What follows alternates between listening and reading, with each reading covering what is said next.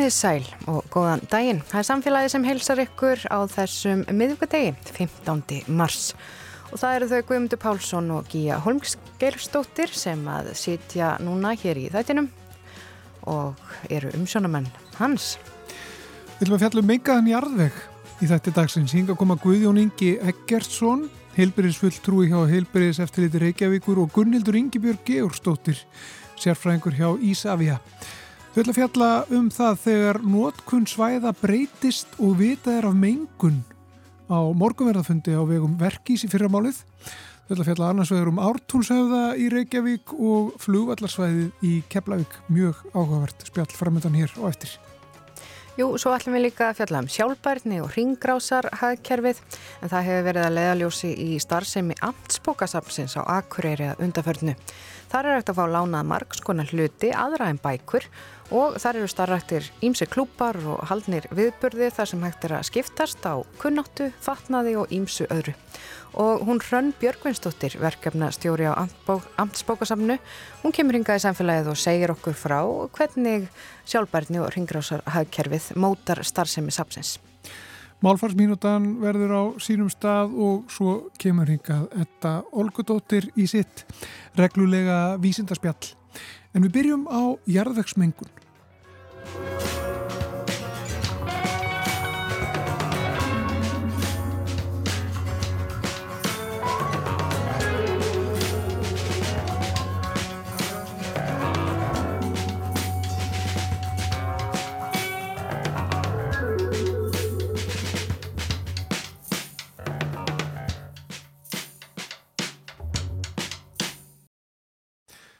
viljum tala aðeins um mengun í jarðvegi núna næstu mínúturnar.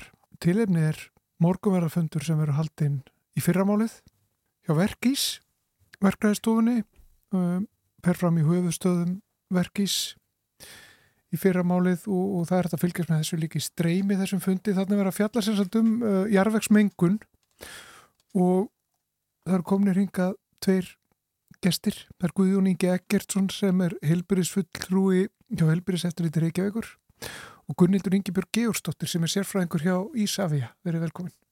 Takk fyrir. Þið ætla, þið ætla að tala þarna uh, um uh, mengun í jarvegi þar sem að sko á að fara að, að raska kannski jarveginum eða, eða byggja og breyta uh, já, ný, nýtingu lands þar sem hefur verið starfsemi sem er, er mengandi ekki satt. Við byrjum bara, byrjum bara þér. Guðum, þú, þú ætlar að velta fyrir þér ártúsöðunum og, og þeir frangatur sem eru framöndan það er ekki satt. Ætla, meðal annars. Jú, ég nefni það sem dæmi. Já, það er umbreytingarsvæði í borginni þar sem hefur verið mengandi innar en nú er, er hérna nýtt að alskipila búðar og þarna verði íbúðabið og þá þarf að, að gera rannsóknir kanna hvernig mengun er í, í jarveginum og, og hérna hafa þar viðmið í reglugjörðum mengan jarveg fyrir íbúðasæði sem leiðaljós. Þannig að e, íbúðasæðin verður hreinsuð ef að gildi eru hærri en viðmiðin eru að þannig að svæði verður hreinsuð og standist þau gildi sem eru í reglugjörðinni. Já, og við þekkjum þá starf sem, sem hefur verið þarna á orðsöðunum. Þetta var Er þetta ekki bara kallað yðnarsvæði? Er þetta léttur yðnar? Það er ákveðna skilgreininga til eða ekki um, um Létt, þessi svæði? Léttur yðnar er hugtak sem er ekki skilgreint Nei, og okay. er, við, er við stundum að fæsta hendur á. Já. En jú, þetta er yðnarsvæði, það er alveg, alveg klart og, og til lengri tíma og þannig hefur verið margskonar yðnar, þunga yðnar og líka yðnar sem er svona hefbundari fyrir bílaðyðnar og annað stílt sem almenningu segir en líka malbyggunarstöð, steipustöð var og til lengri tíma líti þá var þarna líka svo kallir skartna framleiðsla sem var verið að vinna úr dýraverðum ábur sem var borin á tún reikvíkingu til mikillar ógleði skilsmér því að það var svo undlíkt Já, en er það ekki jarfisbætandi starfsemi? það, jú, kannski en það er náttúrulega þarf að geta hvaða efni er í því og það sé ekki þá fylgi efni með eins og plast og annað slíkt en, en það getur Já. líka náttúrulega eins og segi það eru ónæði afinn líka sem er þá líktar líktar tengt í þessu tilfelli Já, og getur það eitthvað leinst þar sem að það bara gís eitthvað upp? Já, það hefur, hefur komið í ljós við, við þrangandir hérna, þá hefur komið niður á úrgang sem að tilhyrja þeirri starfsemi, til dæmis dýrabein En Já. þannig að það já, það er, er von á ímsu á þessu sveiði en það eru rannsókn, rannsóknir í gangi og verið að framkoma hérna, mælingar þannig að það sé hægt að fá heildamind og sína á hvað þurfum að gera. já, og mengur getur verið ímiskonar. Hún getur verið ímiskon og ímiskonar efni sem eru, þetta getur verið ólíefni og PCB, þetta getur verið hérna, díosin, þetta getur líka jafnvel verið sóttkveikjur þó við vitum ekki um það á þessu sveiði eins og byltisbrandur.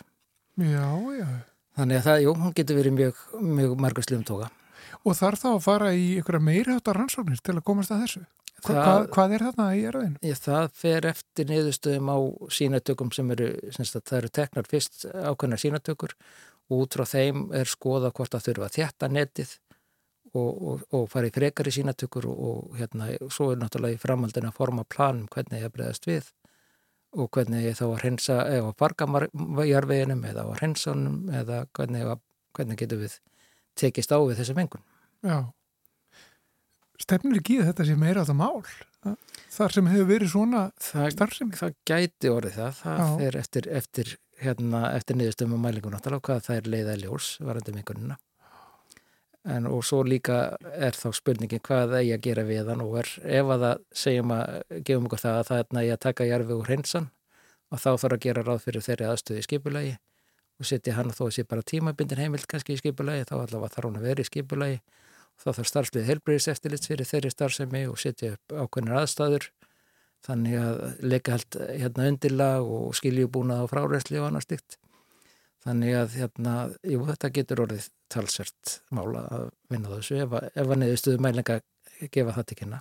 Já. Og er líka hægt á því, sko, ekki bara að þarna e, geti ímislegt leinst sem að getur verið, já, kannski slemt fyrir heilsu fólks að komast í tæri við eða þess aftar og þú vilt kannski ekki hafa í íbúðabið fyrir að fyrsta eða þar sem er margt fólk en svo er líka náttúrulega það, þetta svæði er aldrei nálægt bara sjó og það er nálægt elliðánum Já. um, að þegar það farið svona að það Það er svona róta í þessu að þá berist ekki mengun þangað heldur Jú, það er náttúrulega þarf að gæta því alveg rétt. Mengunin geti, geti ferst til í, í jarðveginum en auðvitað já, það þarf að gæta því og, og, og það er ekkurat líka markmið með rannsóknum þá, einmitt að, að skoða útbreysluna, þannig að það sé hægt að fá mynd á það. En uh, mörkin í og viðmiðin í reglugjörðum hérna, mengaðin jarðveg, þau eru einmitt sett fyrir íbúðasvæðið sem eiga þá að vera sagt, eh, óhætt fyrir fólk að vera á svæðum þar sem mörk eru undir, þar sem gildin eru undir þessum mörkum. mm -hmm. Þannig að það er akkurat hugsað út frá hilsufass nálgun. Gunnildur, það, það eru mikla framkvæmdir framöndan hjá Ísafja á, á, við keflagur flugöll og, og það hefur verið náttúrulega ýmislegt gert uh, undanfærin ár, það er búið að stekka flugstöðuna og það er alltaf að aukast umsvifin þar. Núna eru fyrirhugaðar miklar, miklar framkvæmdir þar. Við vitum öll hvaða starf sem við var, það, sko, það er ekki bara að það hafi verið flugvöldur, það var þarna bara varnarlið og, og ímis um, tæki og tól og efni sem að sem að varnarliðið uh, hafði svona, já, flutti með sér og, og skildi eftir sig. Uh, hvað er það sem þið þurfum aðalega að huga þar? Já, það er ímislegt og mér finnst það svolítið rýma við þetta, þetta snýst allt um sama hlutin, það sem að Guðan var að segja. Að það er þetta, við þurfum alltaf að, að gera ráð fyrir að það sé eitthvað í jarveginum og það er svo sem búið að, að kortleggja einhverjum hluta því að það, þegar herin fór þá, þá var gerð skýsla um, um mögulega mengunarstaði og það var við talið fólk og, og hvað starf sem átti sér stað á hverjum stað. Þannig að við erum með svona einhverja hugmyndir um, en við þurfum alltaf að gera ráð fyrir að það, að það geti leynst eitthvað og þegar við förum í jarfis uppgröft og framkvæmdir þá þurfum við alltaf að fara í gegnum það, að fara í frummat og, og jafnvel sínatökur út frá því og, og svo eins og talaðum á þann, það, þú veist, þarf að ákveða hvað er hægt að gera við, við jarfvegin, það þarf að koma nú í fargun, er farvegur fyrir hann, þarf að finna út úr því hvernig er hægt að, að meðhandlan helst hér á landi, við viljum helst ekki þurfa að flytja hann ellendis í fargun. Það geti hreinlega gerst. Já, ef að það er ekki uh, aðstæða eða, eða lausnir hér á landi þá, þá getur það gæst en við vonumst nú til að, að sleppa við það og reyna það er mjög margt að gerast í uh, mengunar jarvegs geiranum varðandi lausnir um, og, og að vinna á staðnum svo þurfi ekki verið að keira tvist og bast eða, eða hérna, flytja á milli landa Hvað er gert við, við svona jarvegi ef það þarf reynilega að flytja hann úr landi uh, að því hann er svo mengaður? Hva, hvað er þá gert við hann? Er, er hann fargað þar? Það eru væntilega, ég þekki það ekki alveg Nei. en það eru ymsa leiðir þá er, er kannski til brennsla sem að eh, nær það miklum hita eða, eða blöndun við ákveðin efni sem að bindur uh, mengunina þannig að hún get ekki farið út í grunnvatni eða, Mm -hmm. eða fært sig um set. Já. En þarna var náttúrulega þessi starfsemi sem að varnaliði var með, hún var kannski ekki öll upp á borðum. Eðli málsins samkvæmt, þá eh, kannski liggur ekki alveg fyrir hvað, eins og þú segir, hvað var hvar Mhm. og það hafi verið svona, um, það hafi verið talað við fólk sem að þekki til og, og þess að starfum hvað er hvar. En, en, en er það þannig að þarna geta leins bara, já verið bara efni í jarðveginum sem eru bara stórhættuleg og, og mjög mengandi sem engin veit af. Já, við vonum að við lendum ekki í svoleiðis aðstæðum. Það var uh, úttækt á, uh, bara voru te tekið mikið af, af sínum þegar uh, upp, upp úr þessum árum, þar sem að heyrum fór. Það var skilin eftir peningur til þess.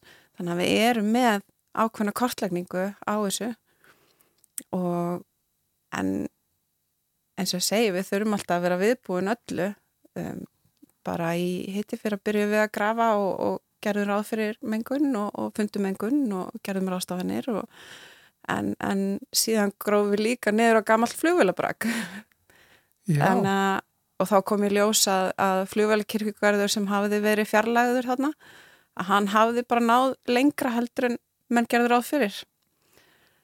Þannig að það er spennandi en í senn og kveikandi hvað er hægt að að grafa niður á. Þannig að við þurfum alltaf að vera viðbúin og að gera ráðstafinir til þess að takast á við þessa, þessa mengun sem er til staðar sem í raun og veru eru einmitt leifar fortíðar.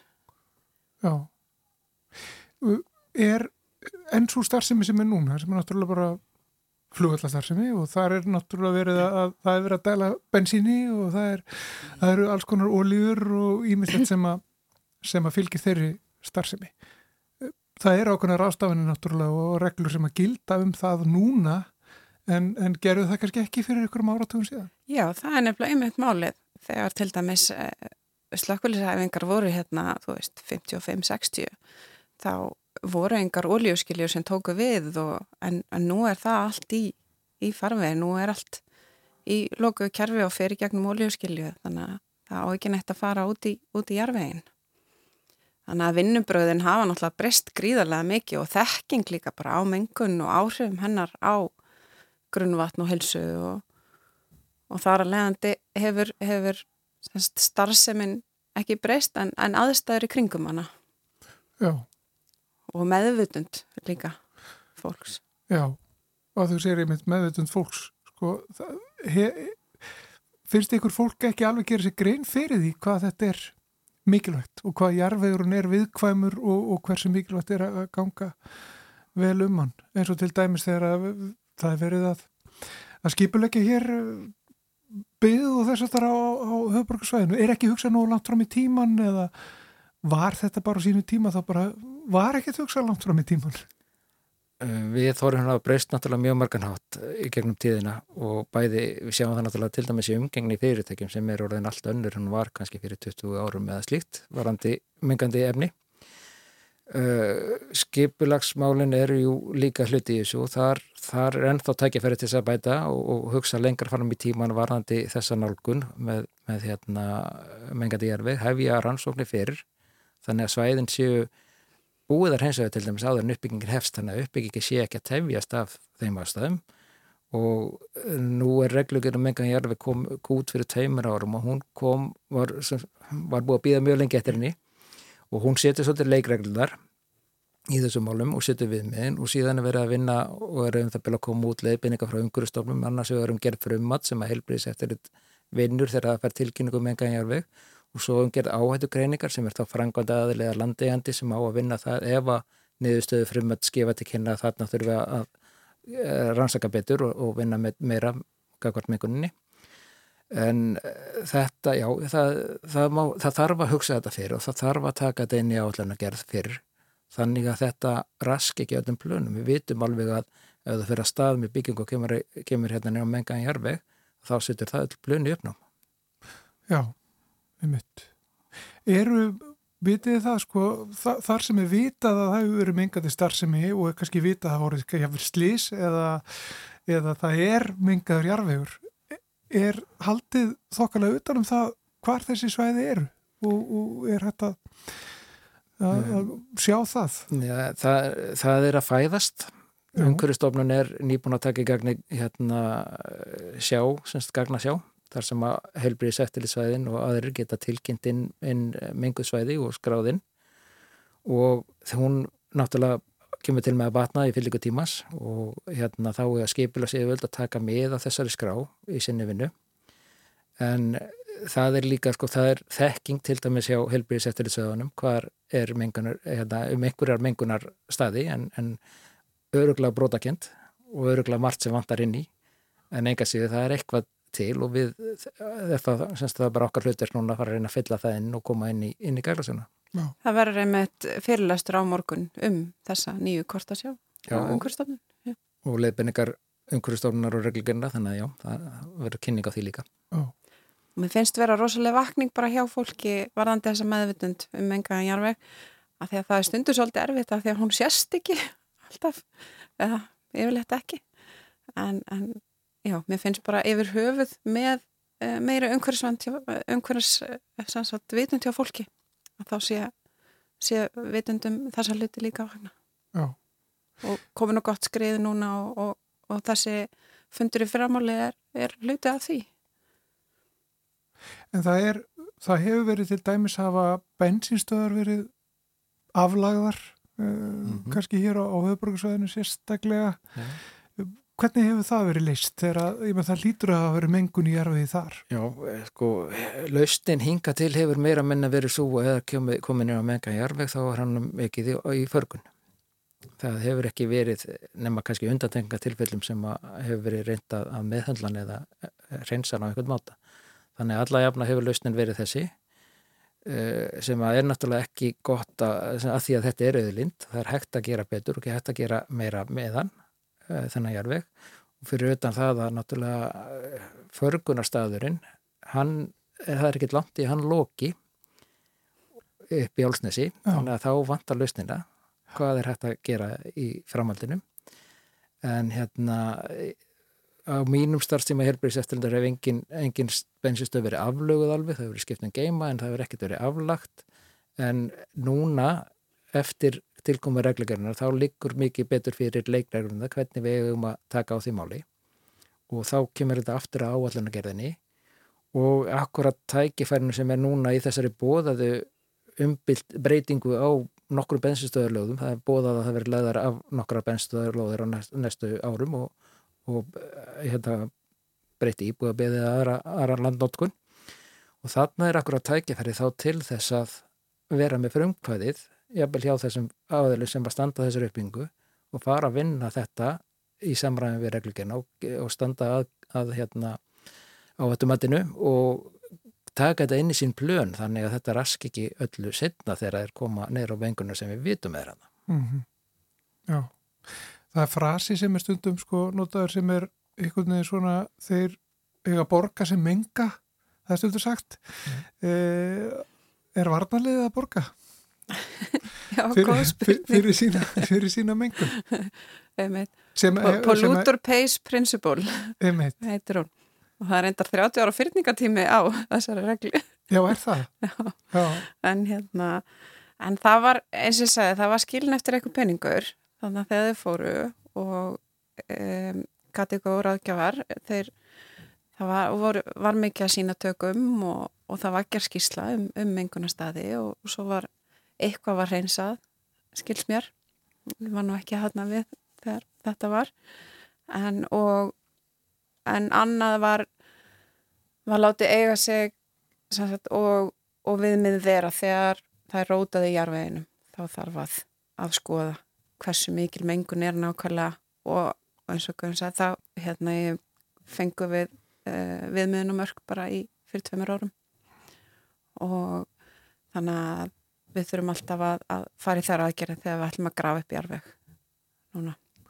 En ef það kemi í ljós bara ykkur mikil mengun á, okkur staði sem að augljóslega mæti rekja til til veru vartanleysins að það eh, væri þá hægt að, að segja halló halló, heyrðu þið þurfum við að borga fyrir þetta er það hægt? Nei, ég held að það sé á sig núna Já. Ísafi að þurft að taka þetta á sig og mun Já. gera það þar sem að þarf Já. og gerum okkar besta í því. En þetta eru erfið mál eins og þegar það eru margir sem er að menga sama staðin hver á hvaða hlut og hver á að borga hvað og þetta er allt mjög flókið. Mm -hmm. að því að stundum er líka óljóst hverjir voru nákvæmlega að menga. Einmitt. og einmitt hættir starfsemi aðri teknu við veist, þetta er ekki okkar syndir en við þurfum að takast á við þær. Já En skartnaframleginn til náttúr Þetta er nefnilega mjög góðu punktur hjá henni að hérna, þegar það er margir mögulegir aðilar eða ekki vitað hver er að þá er reglugurinn ekki með svörin um hver ber ábyrðina þar. Þannig að það er svolítið í leysulótti Helbriðsettirlitis blessunarlega kemur enga ákomi að, að kostnaði eða, eða peningamálum í þessu þannig að við þurfum ekki að velta því fyrir okkur.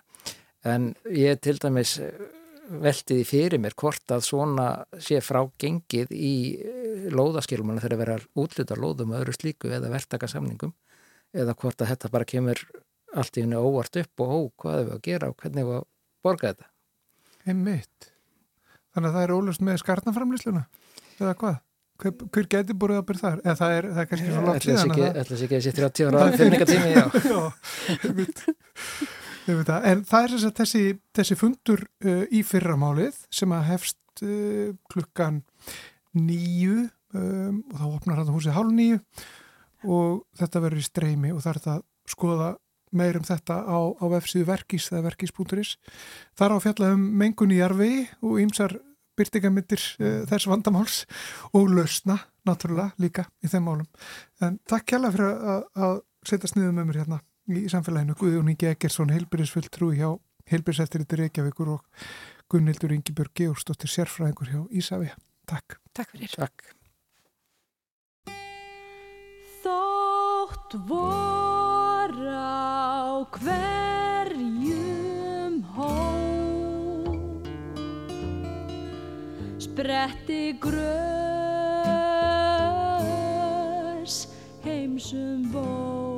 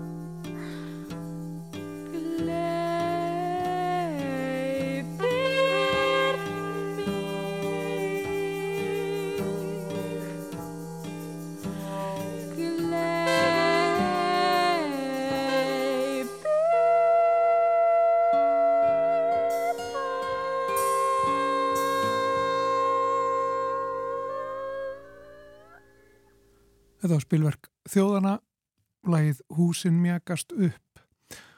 Þetta lag er að finna á hljómblutunni Sturlu sem kom út ára 1977 sem var afskaplega gjöfult tónlistarár, gott plötu ár 1977 og uh, það má kannski líka geta þess að á stjörnumessu uh, fyrir þetta ár 1977 þá laut uh, spilverk þjóðana titilinn Hljómsveit Ársins Dittu og Egil söngvarar ársins, Sturla plata ársins og Sirkus Geira Smart lag ársins.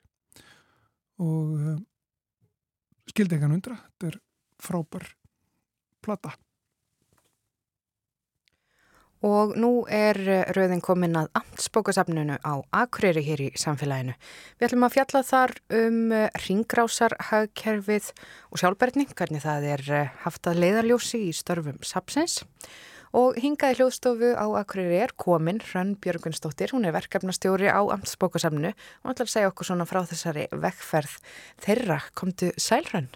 Sæl.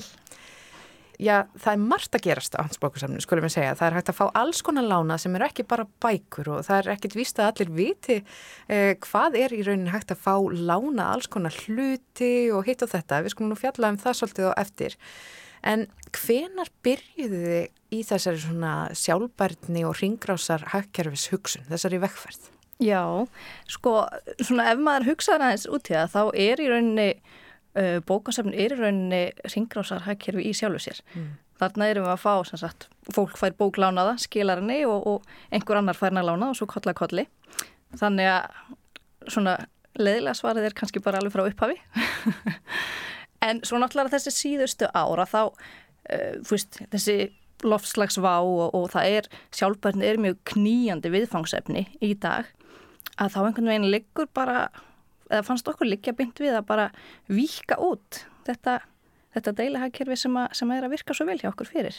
Já, og þið lánuðu þetta bækur en hvað meira? Uh, við lánum út borðspil, höfum gert núna í 6-7 ár. Uh, við erum lánum út kökuform og þau er njóta mikil að vinsælda. Hinga að koma börn og, og, og velja sér form fyrir amali sitt, hvort sem að það er gítar eða sjóraningjaskip eða, eða spætermann eða hvað. Uh, við erum fann að lána út plokktangir Já, sem eru sérstaklega vinsalega bæð á vorin og, og svo fljótlega eftir áramót. Þannig að það er mikið af upplugum plokkurum í bænum greinilega. og þetta er til þess að plokka rust. Þetta er til að plokka rusl, já. já. Uh, svo fórum við nýlega að lána út það sem við kallum ævintýrapoka. Uh, þá erum við búin að para saman bók og, og einhvern hlut, til dæmis stjörnukíki. Það erum við bók eftir stjörnusæmar og, og stjörnukíki sem hægt er að fara lánað. Uh, við erum með smásjá og, og, hérna, og bókum skortýr. Og hérna, þannig að það er svona ímislegt tilraunasett og, og hérna, einhver svona tilraunabók fyrir börn. Þannig að, En skemmtilegt. þannig að það er ímislegt. Já, Og þetta svona erum við smátt og smátt að útvika og e, nú til dæmis fyrir við fljótlega að lána svona svo kalla afmælisett. já. Þar sem eru, e, mann ekki hvort er 20 eða 30 plastiskar og plastglös, fjölnota sem hægt er að fá lána fyrir barnamæli. Ég ætla að nota þetta sjálf um helgin í barnamæli. En það sem þú ert að segja, allir þessi hlutir, þetta er svona það sem maður þarf að nota kannski einu sinni tvisar á ári, eins og til dæmis afmælis kökuform. En í stað þess að allir eigi eitt svona heima, þá er hægt að koma til ykkar og fá þetta lánað. algjörlega. Og uh, þetta með diskana, þetta er mjög sniðugt. Uh, þið eru þið að hugsa svona á skrifstofunni alltaf bara hvað, hvað getur við núna gert til þess að hérna, uh, breyta? Já, og bæta. algjörlega. Það er alveg alveg viðvarandi svona, svona spjall alltaf um þetta, hvað, hvað við getum gert meira. og einmitt ég meina eins og, eins og allir sem hafa haldið bekkjarammæli fyrir börnin vita að þetta er ekkit smávegis af rusli ef maður er að kaupa pappadiska og glös fyrir, fyrir alla krakkana þannig að það munar alveg töluvert. Mm Og eru þau svona stíla inn á eh, krakkana, er þetta með svona þessum um, fígúrum eða er þetta bara svona marglita diskar? Bara marglita diskar. Þannig að það má nota þetta í fullanins líka. vill. er spenntur. Já. Síðan svona eitt af ykkar nýjustu verkefnum, sko, þið eru með þannan ískáp sem er svona fyrir utan, uh, amtsbókasafnið stendur fyrir utan það. Já. Þá fyrir utan húsið, meina ég. Eh, Og þar getur fólk sett matvöru og, og, og annað fólk komið og, og náð sér í. Segðu mér aðeins frá frískápnum ykkar. Já, uh, þetta er semst uh, frískápur eða fríge eins og það kallast á ennsku. Þetta er rauninni bara svona alheims hreyfing. Uh, fyrsti skápurinn var settur upp á Íslandi fyrir tveimur árum og ég held að við séum með skáp nummer tvö hjá okkur Já. og hérna... Og þeir eru eru með minni, tíu. Já, ég held að það getur passað. Nýjasti núna á Sælfossi. Já, nefnilega. Þeir eru komnir víða. Þeir eru að spretta upp víða og ég veit að það stendur til að setja upp fleiri. Hér á Akureyri eða bara á Íslandi? Bara á Íslandi. Já. Og þetta er rauninni bara almennings ískápur. Það sem að hver sem er getur sett matvæl í skápin og allir með að taka úr skápnum. Hvernig eh, svona fylgist þið með þessu? Er þið að tekka á matvælum eða eh, losið þið stundum út úr ískapnum eitthvað sem er farið að skemmast? Hvernig er, svona, er umsjónin ykkar með frískapnum? Við rauninni fylgjumst með í skápnum uh, og já, einmitt, kíkjum inn í hann kannski einu svona dag, annan hver dag, eitthvað svoleiðis. Uh, það er örsjaldan að við þurfum að henda einhverju úr húnum. Það kemur fyrir ef eitthvað er búið að vera þarna kannski í fjóra, fimm daga og er ekki ennþá farið eða í tilfellum þar sem að matvælin eru ekki mert á neitt hátt. Mm. Uh, við semst leggjum upp með það að fólk, ef, er, ef að matvælin eru ekki í upprannlegum umbúðum, að þá séu þau mert. Já. Þannig að, að sá sem að tekur viti hvað þetta er. Og með dagsetningu þá líka, hvenar, hvenar maturinn er eldaður eða, eða ef það er einhver best fyrir dagsetning. Þannig að það eru ykkur svona reglur. Já. Hverjar eru þær? Uh, svona fyrst og fremst aðalreglan er eiginlega bara svo að ekki setja neitt í ískápin sem þú myndir ekki vilja borða sjálf. Uh, já, en að öðru leiti þá er það sem sagt bara að uh, það má setja matvæli sem eru komin aðeins fram yfir best fyrir dagsetningu Mm. en ekki síðast en neyslu dag. Já, já. Við viljum síður fá, fá hérna hrátt kjött og hráan fisk, einmitt bara af því að, bara út af, af geimslaðastæðum svona, uh, nema þá einmitt að sé bara í, í lokuðum loftjættum umbúðum. En hérna, já, það er nú svona í grófum dráttum. Og hvað, og, og hvað er, er fólk duglegt að koma og setja mat í ískapin? Já, nefnilega. Þetta eru bæði sko, eru hérna eh, einhver kaffihús og veitingastæðir og mötuneyti hérna í grendinni sem eru duglega að setja í skápin og svo líka bara rosalega mikið af einstaklingum. Já. Og það er er Facebook-hópur fyrir skápin Já, já. og við hvetjum fólk til að setja inn myndir af matvælinn sem það setja í skápin og það er svo gaman að sjá að það eru nokkri einstaklingar sem hafa alveg tekið skápin upp á sína arma og koma bara hverjum einasta sunnudegi með afgangina sunnudagsteikinni og, og þetta er bara svo fallegt. Já, eh, og hvað heitir Facebook síðan svona fyrir þau sem eru hér á Akureyri og væru kannski til í að, að, að já, kynna sér þetta? Hún heitir Frískápur Akureyri og með tveimur S-um. Akkurat, 2S, skulum við að ræða þetta aðeins, frískápur, frískápur, Mm uh, ég hef séð þetta skrifað uh, og fjallað um þe- þessa, uh, þessa skápa með bæði, það eru 2S notuð Já. hjá ykkur og svo, já, ég hef nú oftar séð bara 1S. Já, Hver heldur ástæðan sé fyrir þessu? ég eiginlega veit það ekki alveg.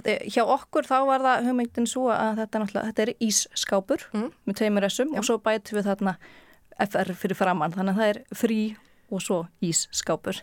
En, en annar staðar er það bara frískápur, þannig að En þeir eru með meira svona tilvittnununa í að þetta sé frís í ísin. Þetta, já, við, að þetta sé ískápur. En að vísu þá stendur nú til að setja upp þurfuru skáp þarna við hliðina og, og þá er það náttúrulega bara meinu þessi. já. Og hvar stendur þessi skápur við amtsbókasafni? Hvert fer maður?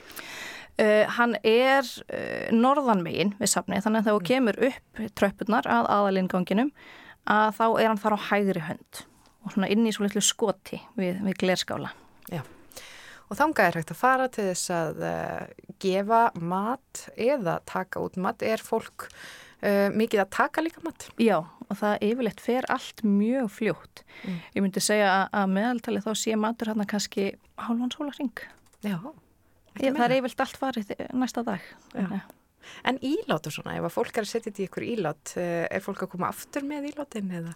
Já, það kemur fyrir að fólk skili ílátum og ég hef það bara skellt þeim í uppþóttavilna og setið svo oft bara aftur út og einhver tekur þeim. Já. Og svo er það þessi þurfuru skápur sem þið eru núna með í bígerð. Já, Hvernig kemur hann upp? Það er þið sennilega bara með vorunu. Það er ansi mikil snjór í augnablikinu og við þurfum eitthvað að smíða eitthvað skíli yfir hann og svona. Þannig að það er þið sennilega ekki fyrir en kannski mæ, júni. Já, lok mæ, byrjun júni mögulega.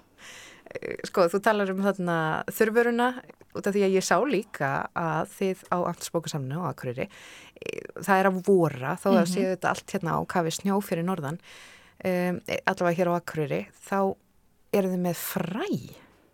Já. Eitt af því sem að þið eru með svona til þess að stuðla að þessu ringrásar hagkerfi, fólk getur komið með fræ og fengið lána fræ hjá okkur. Hvernig kom þetta til? Þetta er rauninni bara eitthvað sem við sáum erlendis að, að hérna, já, bara er- erlendri fyrirmynd uh, og ég, ég sjálf er, er rosa hrifin að ræktun sko. Fyrir þetta svolítið eftir áhuga svið starfsmanna. Þetta fer rosalega eftir áhuga sem starfsmann og við erum svo heppin að- hún æja sem að heldur utan um fræsafni okkur fóreldrar hennar eru blómabændur þannig að hún er bara alin upp í gróðrastöð þannig að hún bara tók þetta verkefni og bara tæklaði það alveg með stæl sko. Þannig að Kann þetta frá aðtilu, þannig að hún getur líka A til le Ö. leiðbeint fólki kannski. Já, og svo líka hefur hann uh, Jóhann Tóransen, Já. Uh, gargimæður, eða gargifræðingur, hann hefur verið að- komið að þessu með okkur og var með fræðslu fyrir fólk þegar fræðsafni opnaði. Og bæði hann og, og, og svo sagt, uh, hún hefur hún sem að sendur að matjastagorðum hérna, þau hafa verið rosalega duglega að gefa fræ áfram. Og einmitt líka þegar fólk kemur á safnið og sér fræðsafnið að þá hugsa já, heyrðu, ég á nú alveg helling heima.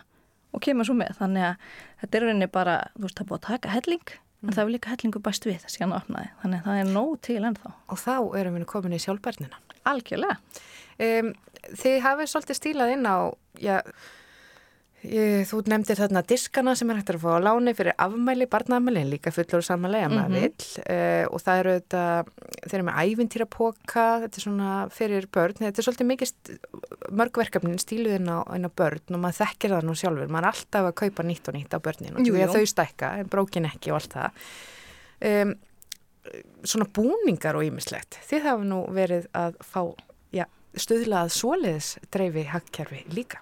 já, við höfum uh, síðustu ár verið með kannski svona einu sinni til tvisvara ári höfum verið með fataskipti uh, og svo er það líka þannig að, að hérna, oft eru margir með að vinna sömu hugmyndum og svona þannig að við erum núna komnar í, komin í hálgert samstarf við uh, piknik fatadeili hagkerfi Piknik. Já, og þau hafa eða þær sýstur sem standaði því að þær hafa komið og, og sett upp og haldið utanum svona fataskipti markaði hjá okkur Mm. og núna síðast einmitt búningaskipti fyrir öskudaginn.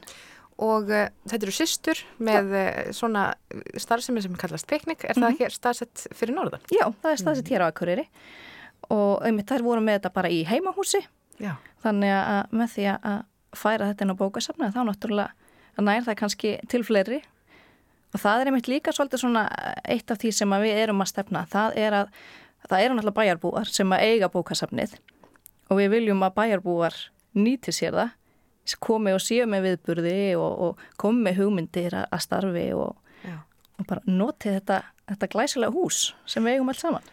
Og það eru alls konar klubbar hjá ykkur. Já, Og þá förum við nú út í það að bara dreifa kunnáttu. Algjörlega. Ringrásar hagkerfi getur nú líka verið einhvers konar kunnáttu uh, dreifingar hagkerfi. Uh, og klubbarnir þeir koma ekkit endilega frá starfsmönnum. Nei, það er eh, bara einmitt. Uh, við erum með handavinnuklúb og tvo spilaklúba, bæði fyrir fullan og börn. Það er, er sprottið upp hjá starfsfólki en svo erum við með skapandi skrif og það er, það er ekki starfsmenn sem að sinna því. Uh, það hefur verið vasslitaklúbur sem að vísu er í, í smá dvala núna en, en það er einmitt líka utan að komandi og, og eins uh, er að hefjast hjá okkur á morgun kvikmyndaklúbur Já. sem að, og það er einmitt bara manniska sem hafi samband og, og lísti yfir áhuga að vera með bíókvöld. Já. Og þá í rauninni, þar sem að, að, að þetta fólk fær hjá ykkur Mhm. er í rauninni aðstæðan en Já. þið getur líka auglýst Já, og vakið aðtekli á hlutum. Algjörlega. Uh, fólk kynnist nú kannski uh, það hefur nú oft verið sagt að það sé erfitt að kynnast fólki hérna á Akureyri að þetta sé kannski loka samfélagi en, en bókasafn er þetta kjörin vettfangur til þess að fólk kynnist ólíkir hópar kynnist líka. Já, algjörlega. Og já, það haf mitt alveg, alveg myndast þarna vináttur svona í tengslum við klúbastarfi hjá okkur og, og sérstaklega veit ég eins og í, í tengslum við Íslensku klúbin Já. sem við erum með þar sem að uh, í rauninni bara þeir sem hafa íslensku að móðurmáli mæta og, og, og spjalla við uh, fólk sem hefur íslensku sem annan tungumál. Og bara svona æfa sig. Og þar hefur myndast, myndast mikil vináttubönd og margir sem að hittast utan, utan þessa hérna, klúbviðburða líka. Mm Sko, þið byrjuðu þetta, þessa vekkferð, þú myndist nú á það henni upphæðu spjálsins að, að í eðli sínu eru bókasöfn í rauninni svona deili hagkerfi, Já, ringrásar hagkerfi. En vinnið þið eftir einhverju ákveðinni stefnu, varðandi starfið ykkar, eða búin að móta ykkur eitthvað svona ramma í kringum þessa hugsun? Já, það er mitt gáðan og skildi spyrja því af því að við erum einmitt búin að vera að vinna nýja stefnu sem að, fer nú fyrir og fljótlega og það einmitt er sjálfbærni svona eitt leiðarljósið og það snýr alltaf bæði að bara okkar innra starfi, hvernig við, uh, við nýtum það sem að tilfellur hjá okkur. Og svo eins bara að ebla sjálfbærni og, og ringrásar hugsun og þekking á þessu málum í samfélaginu. Já, og eins og með innrastarfið að þá til dæmis það fellur alveg gríðarlega mikið til á bókum, á bókasafni, ég veit ekki hvort að fólk áttar sig almennt á því, Nei, En- það eru bækur sem að bara eigðileggjast og, og stundum eru keftin rosalega mörg eintök þegar bækur eru nýjar og svo lánast þar minna og, og þá eru einhver eintök afskráð þeim fækka sem eru í útlánum. Þannig að það er tölvöld mikið á bókum sem að, sem að er farkall. En uh, núna til dæmis á barnamenningarháttíð sem verður núna í april að þá ætlum við að vera með svona risastórt uh, klippi mósækverk þar sem að við erum búin að taka til liðar allar myndabækur sem hafa sapnast upp hjá okkur síðustu, ja, í rauninni bara síðustu tvö ár og þar geta krakkar komið og klift út myndir og, og linkt inn á þetta stóra mósækverk. Já, það lítur nú að vera pínlíðil draumur margra að geta klift myndirnar út úr bókunum. Já, öruglega. Það er allavega eitthvað sem ég gerði þegar ég var lítil og, og, og það var ekki ónýtt bók en hún varð ónýtt eftir að ég var búin að klippa út. Já, þetta eru svona bækur sem að má, má klippa úr. Spennandi. Um, það má þetta lesa sér til um þetta á, á já, vefsíðu, þið hljótið að vera með vefsíðu og Facebook og, og, og samfélagsmiðla. Já, já, já, já, við erum á öllum helstu miðlum. Það er amtsbók.is og svo erum við á Facebook og Instagram og TikTok þannig að það má finna okkur víða. Já, þetta er uh, búið að vera skemmtilegt spjall hérna um amtsbókasafnið á Akureyri og um alla þá möguleika sem að þar félast og þar er svona fókusinn settur á sjálfbærni og ringrásar hagkerfið að við deilum uh, hlutum sem að þurfum ekki endilega alltaf að kaupa og við deilum líka kunnáttu og þarna getur fólk komið ef það er með eitthvað skemmtilega hugmyndir og búið það undir ykkur. Er það ekki svo hann? Jú, Takk kærlega fyrir komin að hinga í samfélagið og gangi ykkur vel. takk, takk.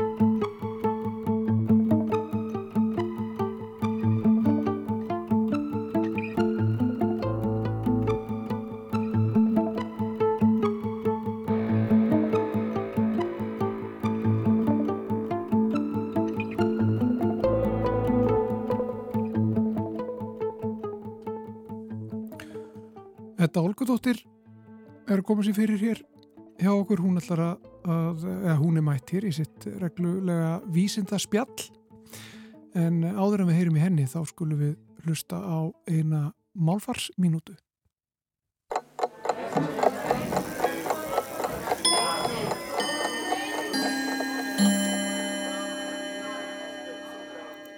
Upp úr aldamótunum 1900 fór orðið dívan að sjást í auglýsingum í íslenskum dagblöðum. En svo mörg önnur húsgagnaheiti kemur það úr dönsku. Leið þess inn í dönsku var nokkuð laung, lágur úr persnesku í gegnum arabísku og svo tyrknesku. Í danskri orðabók eru gefnar nokkrar merkingar. Ein merkingin er stjórnaráð eða ríkisráð sem við eigum líka dæmið um í íslensku. Önnur merking virðist ekki hafa rataðin í íslensku. Það er herbergi innréttað í austurlenskum stíl. Svo þriðja er ljóðasapn sem við eigum ekki mörg dæmi um í íslensku. Og svo fjórða er svo sem við þekkjum best, legubekkur án baks og arma. Yfir legubekkin var jafnan breytt teppi sem huldi dívaninn allan svo ekki sást í fætur hans. Það kallaðist auðvitað dívanteppi.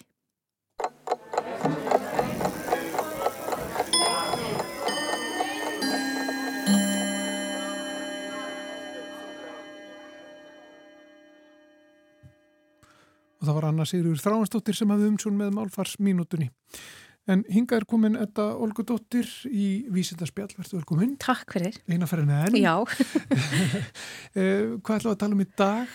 Herðu, nú langaði mig svolítið að tala um gláku eða, eða hérna, já, rannsóknir sem hafa verið unnar á gláku og það er að segja á því sem að hérna, veldur því að sjóntögin skemmist og gláka er hérna kannski eitthvað sem að mjög margir þekkja og þetta er sjúkdómur sem veldur því að fólk missir sjónina.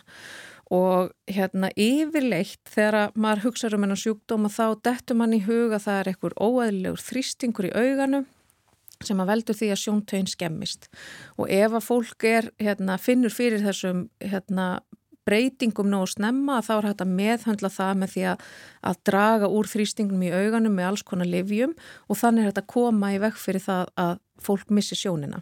En svo er gláka verður reynda til líka út af öðrum orsökum og hérna gláka er bara samheiti yfir sjúkdóm sem að þar sem að sjóntögin skemmist og fólk missir sjónina og sjóntögin getur verið að skemmast út af ymsum ástæðum og það eru ákveðnir erðaþættir sem eru þekktir og hafa þessi auka líkunar á því að sjóntögin skemmist og fólk missi þannig sjónina og þessir hérna, erðaþættir eru yfirleitt tengdir þá hérna, ferlum sem að eiga sér stað í kvatberunum hjá okkur og kvatberarnir eru, þetta eru sagt, orku, orku stöðvar frumnana. Það er þarna sem að frumurnar búa til orku sem að frumurnar geta nota. Þarna verður þá loka afur, loka niðurbrot á fæðunni hún fer þarna fram í kvatberanum þannig að úrverður eh, til efni sem að heitir ATP og ATP er orku einingin sem að frumann sjálf getur svo notað. Og þannig að allar frumurnar okkar eru með kvatbera bara mismikið og, hérna, og þeir eru mismikir bara eftir því hversu mikla orku frumurnar þurfa á að halda. En í hérna taugafrömmum að þær, þær virðast vera sko mjög svona orku frekar frömmur og þurfa mikið á þessu efna halda sem að til dæmis endur speglast í því að þeir einstaklingar sem að eru með einhverja stökkbreytingar í þessum hérna ferlum sem að eiga sér stað eða stökkbreytingar sem hafa áhrif á ferlana sem eiga sér stað í kvatbera að það hefur svona takmörkuð áhrif á aðrar frömmur líkamanns að það er yfirleitt, það kemur fram í því að til dæmis hérna, sjóntögin fyrir að skemmast. Vegna þess að það er bara rosalega mikil orku þörf og hérna það var rannsóknarhópur við Indiana University School of Medicine held ég hann heiti sem að var að byrta rannsókn núna í síðasta mánuði þar sem að þau er að skoða hvað það er sem að gerist hvers vegna eru frumurnar, taugafrumur svona viðkvæmar fyrir því að fá ekki nógu mikið af ATP og hvaða, hvaða gallar er þetta sem er að hafa áhrif? Og þannig eru þau sem sagt uh, með hérna vefja sér hafa stopnfrumur sem þau taka annars vegar úr hérna einstaklingum sem eru með uh, stökkbreytingu í þessum ferlum sem að þá setna megin geta leitt til þess að þau fái gláku. Og svo annars vegar er þau með vefisérhaðar stopnfrumur úr einstaklingum sem eru ekki með þessar stökkbreytingar. Þannig að það er eiginlega hérna, glákufrumur og, og heilbreyðarfrumur og þau hérna þroska þessar frumur þannig að þær mynda það sem að myndi verða sjóntögin í heilbriðum einstakling ef að þetta væri hérna inn í, inn í einstakling þau eru náttúrulega bara með þetta í frumurægt og svo skoða þau bara ímsa þætti og til dæmis mæla þau hversu mikið ATP frumurnar er að framleiða og það, það, er hérna, það er engin munur á magni af ATP hvort sem að þau eru að mæla þetta í frumunum sem eru úr heilbriðum einstaklingum eða úr frumum sem að koma úr einstaklingum sem að hafa, hérna, eru líklegir til þess að fá gláku. Þannig að það er jafn mikil framleiðsla á þessu efni sem að frumurnar þurfa á að halda. En svo þegar þau fara að mæla uh, magnið af kvatberum í frumunum að þá kemur í ljós að það eru hérna mun færri kvatberar til staðar í frumunum sem að koma úr einstaklingum sem að hafa hérna, breytileikan sem að leiði til gláku. Þannig að það eru miklu, miklu færri kvatberar sem er að vinna að því að búa til nógu mikið af ATP til þess að viðhalda frumunni þegar að, hérna, þegar að þessi ferlar er eitthvað bilaðir. En, en fruman er samt sko... E, hún er svo orkufreg að hún, þú, uh, hún gerir bara kröfu á að þessi framlegsla sé samt í fullu plasti. Og það er ekki gefin einn afsláttur á því þó að sé ekki nóg margir í vinnunni, skilurum. Aha. Þannig að, að það náttúrulega, það er bara svo, svolítið eins og þegar að, að vantar starfsfólk vegna veikinda þá lendir bara meira ála á þá sem að, að komast í vinnuna og þeir verða þá líka þreyttari. Mm -hmm. Og það er allt í lægi ef það er bara einn og einn dagur en þegar það er alltaf undirmannað að þá verður þetta svolítið erfitt og fólk vera hérna, missur orkuna og getur kannski ekki mætt í vinnuna og verður jafnvel bara sjálft hérna, lasið og er heima og það er nákvæmlega sem gerist í frumunum vegna þess að kvatbyrjarnir sem er að ströggla við að viðhalda ATP framleiðslunni að þeir enda á því að skemmast og þannig fer fruman þá í það að hún næri ekki að viðhalda sér og þar verður bara niðurbrót á frumunum og þær fara að drepast. Þannig að þarna... Og þá kemur ekkert ATP? Þá, þá kemur ekkert ATP Nei, og þá náttúrulega hefur fruman ekkert nákvæmlega. Það, þannig að þarna tapaði fruman aldeilis á því að vera mm. svona mikill harstjóri. Já. En svo það sem er hérna, líka mjög áhugavert í þessu vegna svo gefaðu frumunum efni sem að örvar fjölgun á kvattbyrjunum og þessar frumur sem að semst, koma úr einstaklingum sem að hafa erðabreitileika sem að leiði að sér gláku fá hérna uh, efni sem að örvar fjölguna á kvatbörum og þá fjölgar kvatbörunum en e, framleiðslan hún viðhelst. Það, ekki, það verður ekki, fjölg, það verður ekki hérna, aukning á ATP framleiðslu heldur dreifist framleiðslan bara á fleiri kvatböra. Þannig að þá er búið að full manna frumuna af kvatberum og framleiðslan getur það haldið áfram án þess að hérna, það hafi áhrif á hvernig uh, fruman fungerar eða frumurnar þannig að sjóntögin getur haldið áfram að viðhalda sínu hlutverki og hérna án þess að vera að ganga á í raun og veru sjálfa sig vegna þess að hún er ekki að eigða þeim vinnu einingum sem að sjá um að búa til ATP og þetta er svolítið það sem að, að þessi hópur er að benda og gæti verið uh, mögulegt livja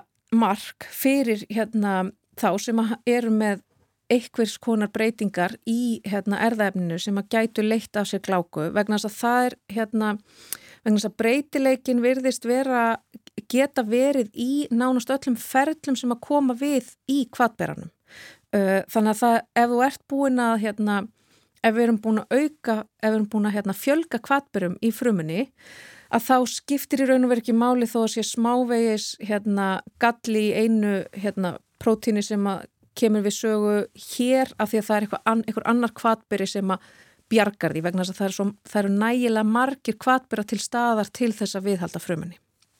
Og það sem er líka svolítið áhugavert í þessari rannsókn er að því að þó að þetta sé í raun og veru hérna, miðar að sko, sjóntauginni og að, hérna, og að frumum sem að sem að gætu leitt til sem að hérna, eigðast þegar að kemur að, að gláku og sjónskerringu að þá er þetta samt líka hérna, sambærilegi sjúkdómar koma fram, nei hérna sambærilegt hérna Sambarlega gallar geta leitt til annara sjúkdóma í taugakerfinu.